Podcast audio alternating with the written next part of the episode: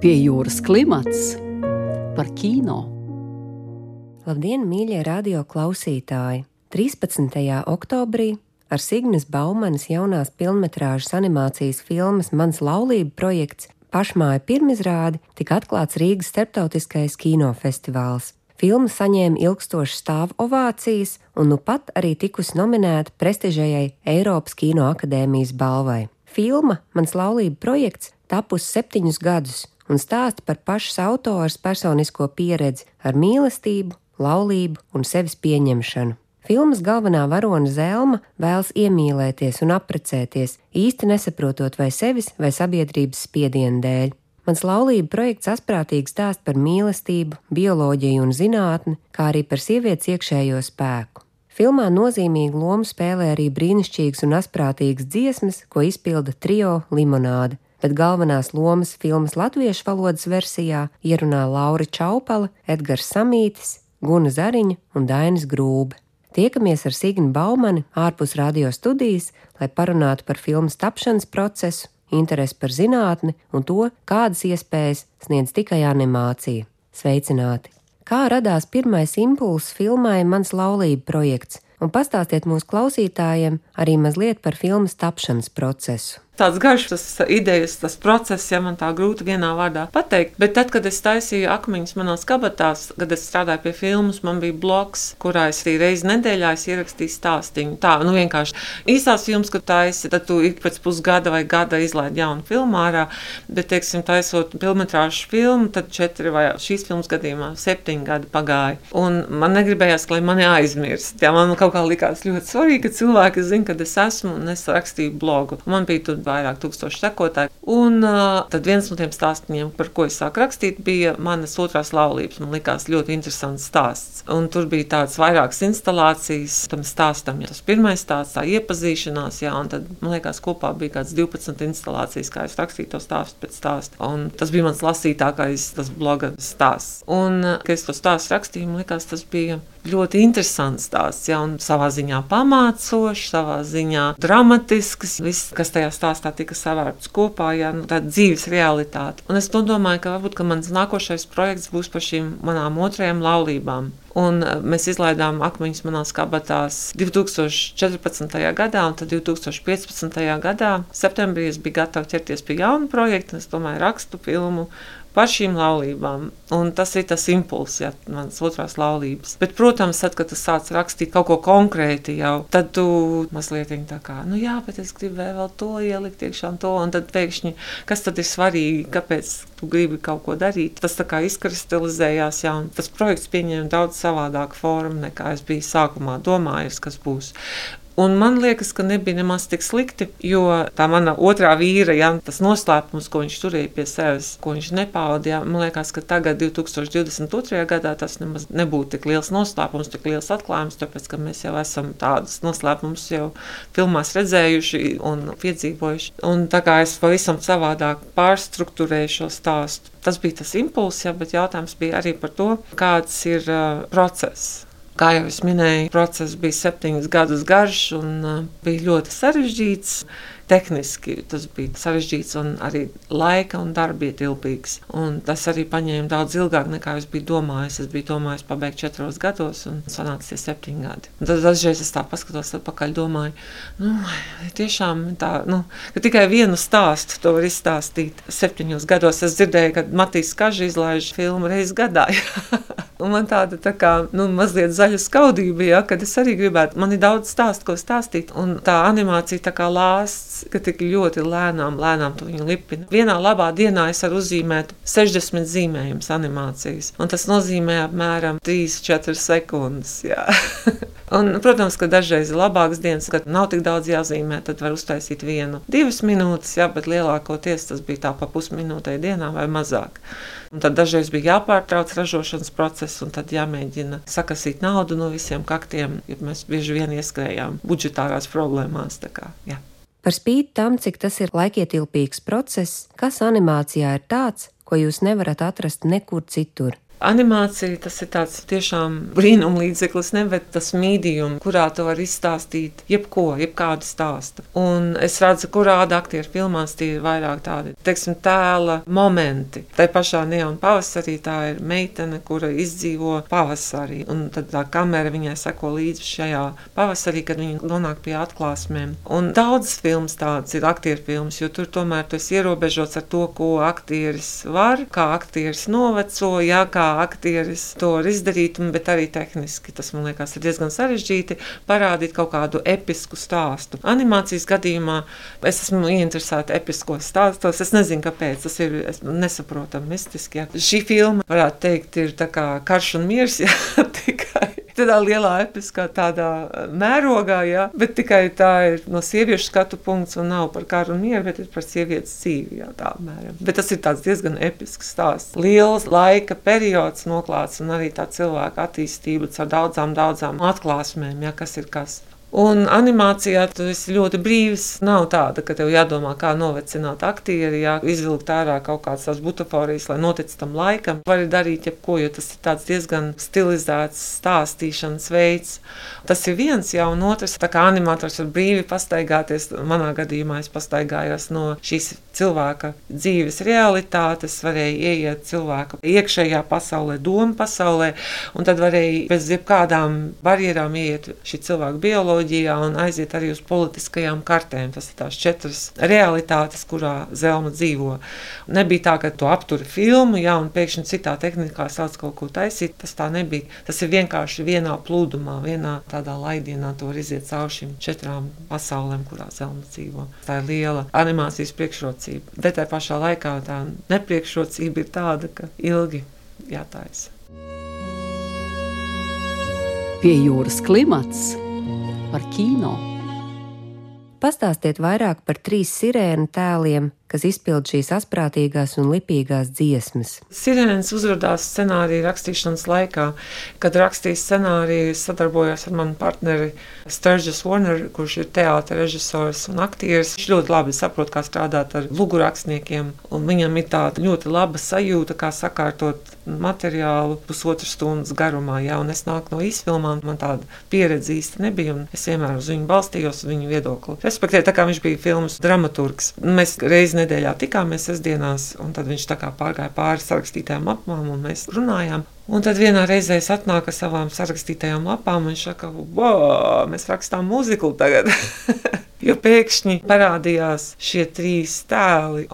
Es biju domājis, ka man būs tādi tēli, kas atspoguļo sabiedrības tādu viedokli, bet es nebiju tā precīzi izdomājusi visu. Man liekas, tas būs dziesmas radio vai dziesmas no malas, kā filmās, vai dziesmas kaut kur ārpus kadra. Ja? Bet tad, kad es sāku rakstīt vienu noteiktu ainu, pēkšņi parādās šie trīs tēli un sāka dziedāt dziesmu vārdus. Es, protams, dziesmas nerakstu, bet tikai vārdus sarakstu rakstīju. Es biju pati pārsteigta īstenībā, jā, kad pēkšņi mūzikls ir. Varbūt to bija iespaidojis tas, ka es astoņus mēnešus pirms sāku rakstīt scenārijus, biju redzējusi Hamiltonu slaveno mūziklu. Man varbūt tas kaut kā iespaidoja. Principā man mūzikla nepatīk. Nē, esmu liela mūzikla cienītāja, bet tas tiešām bija lieliska izrāde ar lielisku mūziku, un varbūt tas man tā iespaidoja. Bet pirms es sāku tā nopietni domāt par tām sirēnām dziedošajām, man bija jāuzzina, kurš tās dziesmas var uzrakstīt. Man bija sadarbība ar Kristiānu Sensīnu, itāļu komponistu, kurš dzīvo Itālijā. Un viņš sarakstīja mūziku akmeņiem manās kabatās, un es viņam piezvanīju, prasīju, vai viņš var sarakstīt arī dziesmas. Un viņš teica, es esmu komponists. Protams, ka es varu sarakstīt dziesmas, es visu varu. Tad es teicu, labi, turpini rakstīt. Un tad es uzrakstīju vārdus 23 dziesmām, un viņš sarakstīja mūziku šis tēls atrodas starp diviem tādiem lieliem spiedieniem. Viens ir tā viņas pašas bioloģija, zelmas bioloģija, kas nosaka daudzkārt viņas rīcību, un otrs spiediens ir šis sociālais spiediens, kā sabiedrība uzskata, kā viņai jāuzvedas, kas viņai jādomā un kas ir viņas būtība. Un viņai kā cilvēkam, kā sievietei, kā individam, ir jāmēģina sasniegt kaut kādu kompromisu gan starp to sabiedrības spiedienu, starp pašas bioloģiju, un viņai jāatrod pašai savs ceļš. Un tajā dzīves sākumā viņa diezgan diezgan apjukusi meklē šo ceļu. Filmas tapšanas procesā jūs konsultējāties ar profesoru Paskālu Vallišu, kurš ieteica filmā nelikt iekšā jaunāko zinātnes atklājumus, ja tiem nav gan daudz apstiprinājumu. Vai ir kādi jauni atklājumi, kurus būtu gribējies tagad ielikt filmā? Atklājumi notiek katru dienu. Tā ir tā kā zinātnē specifiska. Nepārtraukti tiek atklāts kaut kas jauns. Vienīgais ir tas, ka tas nevar tikt uzskatīts par galējo patiesību, jo to vēl jāapstiprina vēl desmit zinātniekiem. Katrs atklājums tiek pakļauts šaubām, un tas ir kā zinātne strādā. Mēs vienmēr uzskatām, ka zinātne ir absolūtā objektivitāte vai kā, bet to zinātnes darbu veids cilvēki. Un viņi saprot, ka viņi neperfekti. Jā. Ir tomēr šī sadarbības ar zinātniekiem un to, lai tie atklājumi, kas tiek tiešām apstiprināti, būtu daudz maz patiesi. Nu, piemēram, tā kā pandēmijas laikā visi kliedza par zinātniekiem, paši zinātnieki nezina, vai arī par klimata izmaiņu, kad arī kliedz visādi cilvēki. Tas jau nav tā, tādas muļķības zinātnieki sastāstījuši, bet īstenībā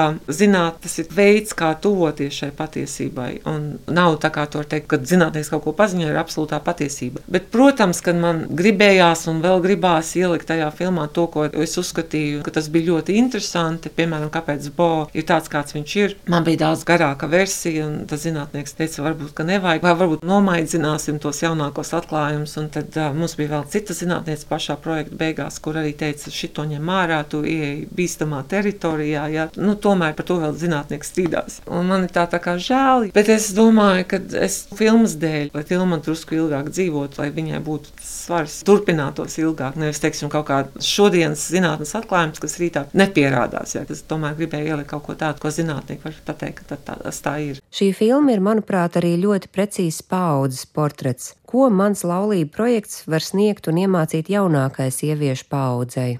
Tas ir paudzes portrets, tas tā kā varbūt jūs to redzat, jo jūs zināt to paudzi.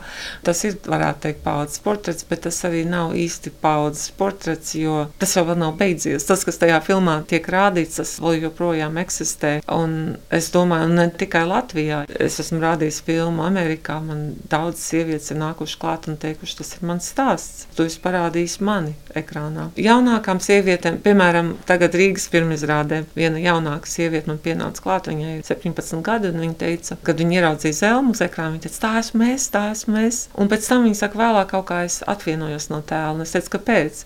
Viņa teica, tāpēc, ka man tādas pieredzes nav, man nav bijušas attiecības, un es nezinu, ko tas nozīmē. Es saku, nu redz, tu, tu redzi savu nākotni, ja tu redzi, ne, nu redzi, kas varētu būt, ja kaut kas nenostrādā. Pat ja tu esi cita paudze, tu tajā filmā tomēr tāpat tiek parādīts šīs attiecību tādas iespējas. Teiksim, kad Sergejs saka, Es nekad neļaušu tev aiziet. Es tevi tik ļoti mīlu, es nekad tev neļaušu aiziet. Es vairs negribu būt viens. Un tev liekas, ka jā, tā ir mīlestība. Viņš man neļaus aiziet. Tas nozīmē, ka viņš man ļoti mīl, vai tā nav. Un tad izrādās, ka tas bija saka, tā sarkanā lampiņa, kas ieslēdzās, ka tev tajā brīdī vajadzēja saprast, ka kaut kas nav labi. Tā kā no šīs filmas var iemācīties arī kaut kādas tās sarkanās lampiņas un teikt, ah, tomēr tā kā viņi saka, kas ir mīlestība, varbūt tas tā varbūt nav. Jā, kritiski pieiet tam, ko tev saka. Tad varbūt tas būtu tas filmas vēstījums jaunai paudzei. Pie jūras klimats par kino. Pastāstiet par savu sadarbību ar balss aktieriem. Mēs strādājām ar ļoti talantīgiem aktieriem. Ar tik ļoti talantīgiem aktieriem, ka es pat nevaru iedomāties, cik talantīgiem aktieriem, ja tas ir vienkārši bezgalīgi talantīgiem aktieriem.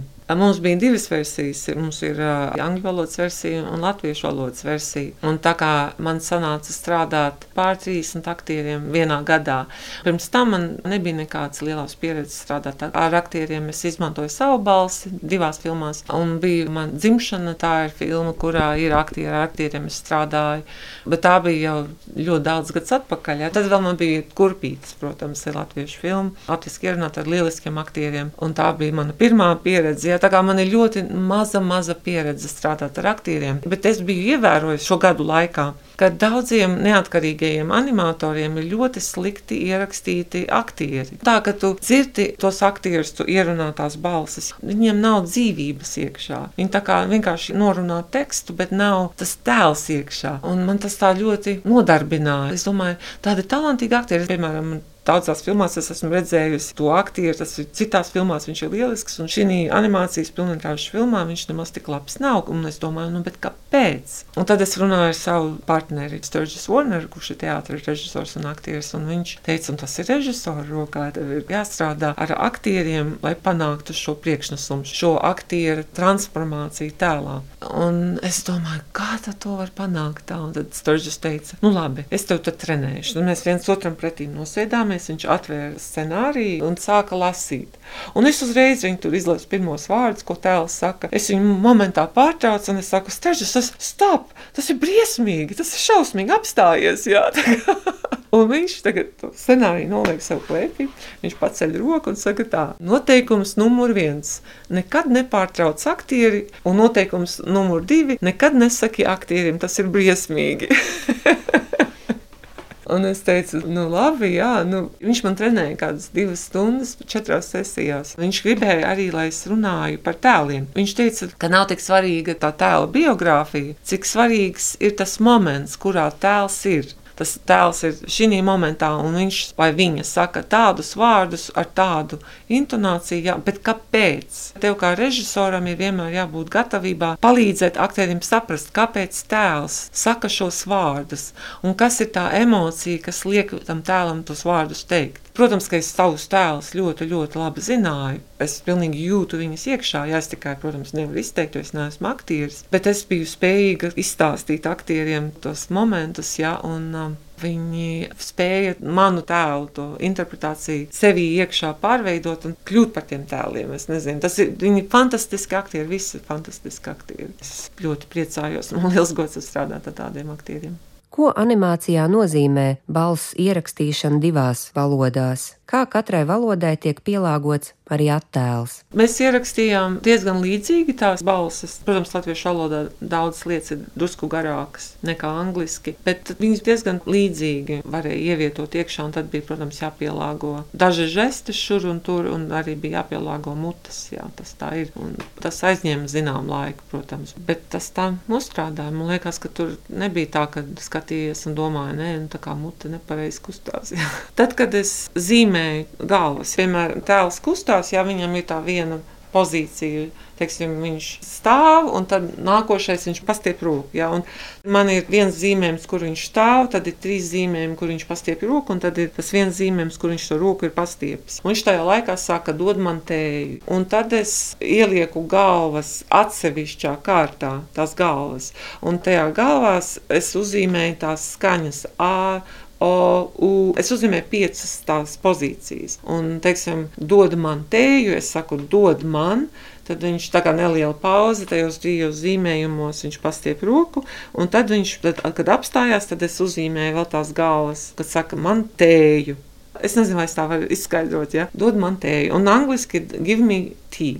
Tur ir savādākas mutes kustības, bet tā kā es esmu uzzīmējis tās principālās, tās galvenās mutes, tās galvas pozīcijas, kas ir O, A, E, I, O, M un vēl kaut kas klāt, tad tu vari nomainīt tās galvas abām versijām. Tas ir vienkārši no animācijas tāds racionāls animēšanas veids, ja, ka tu animē atsevišķā kārtā to, ko tu gribi, lai kustās, un to, ko tu negribi, lai kustās, tu ieliec citā kārtā, un tas stāv. Un tāpēc man ir tie 60,000 zīmējumi, bet ne visi zīmējumi, piemēram, man ir vairāk nekā puse no viņiem, ir tikai rokas vai galvas un kājas, jā, vai kaut kādi elementi uz tēla virsmas. Bieži vien ir tā, ka tēls stāv viņam, tu redz tikai ķermenis, jā, un rokas un galva ir citās kārtās.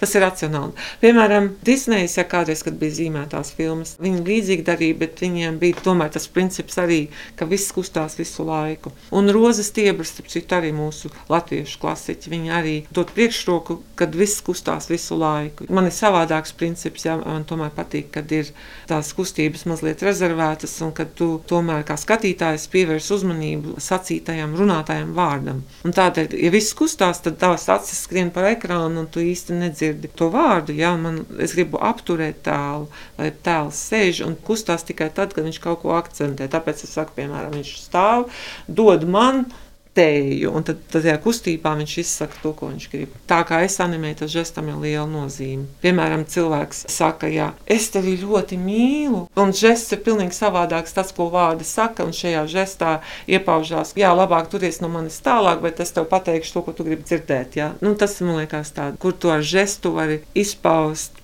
daudz, kas notiek tēlā iekšā, ko tēls nesaka tev. Viens no mūsu mārketinga materiāliem saka, ka filma ir šis savienojums, kur mēs savienojam vairākus mākslas veidus, savienojam teātri ar mūziku, ar zinātni, ar skulptūrām, ar glezniecību un arī ar stop motion animation, ar zīmēto animāciju. Tā kā tur vairāk tie mākslas veidi, ieskaitot zinātni, ja sanāk visi kopā vienā filmā, tā kā trīs dimensijās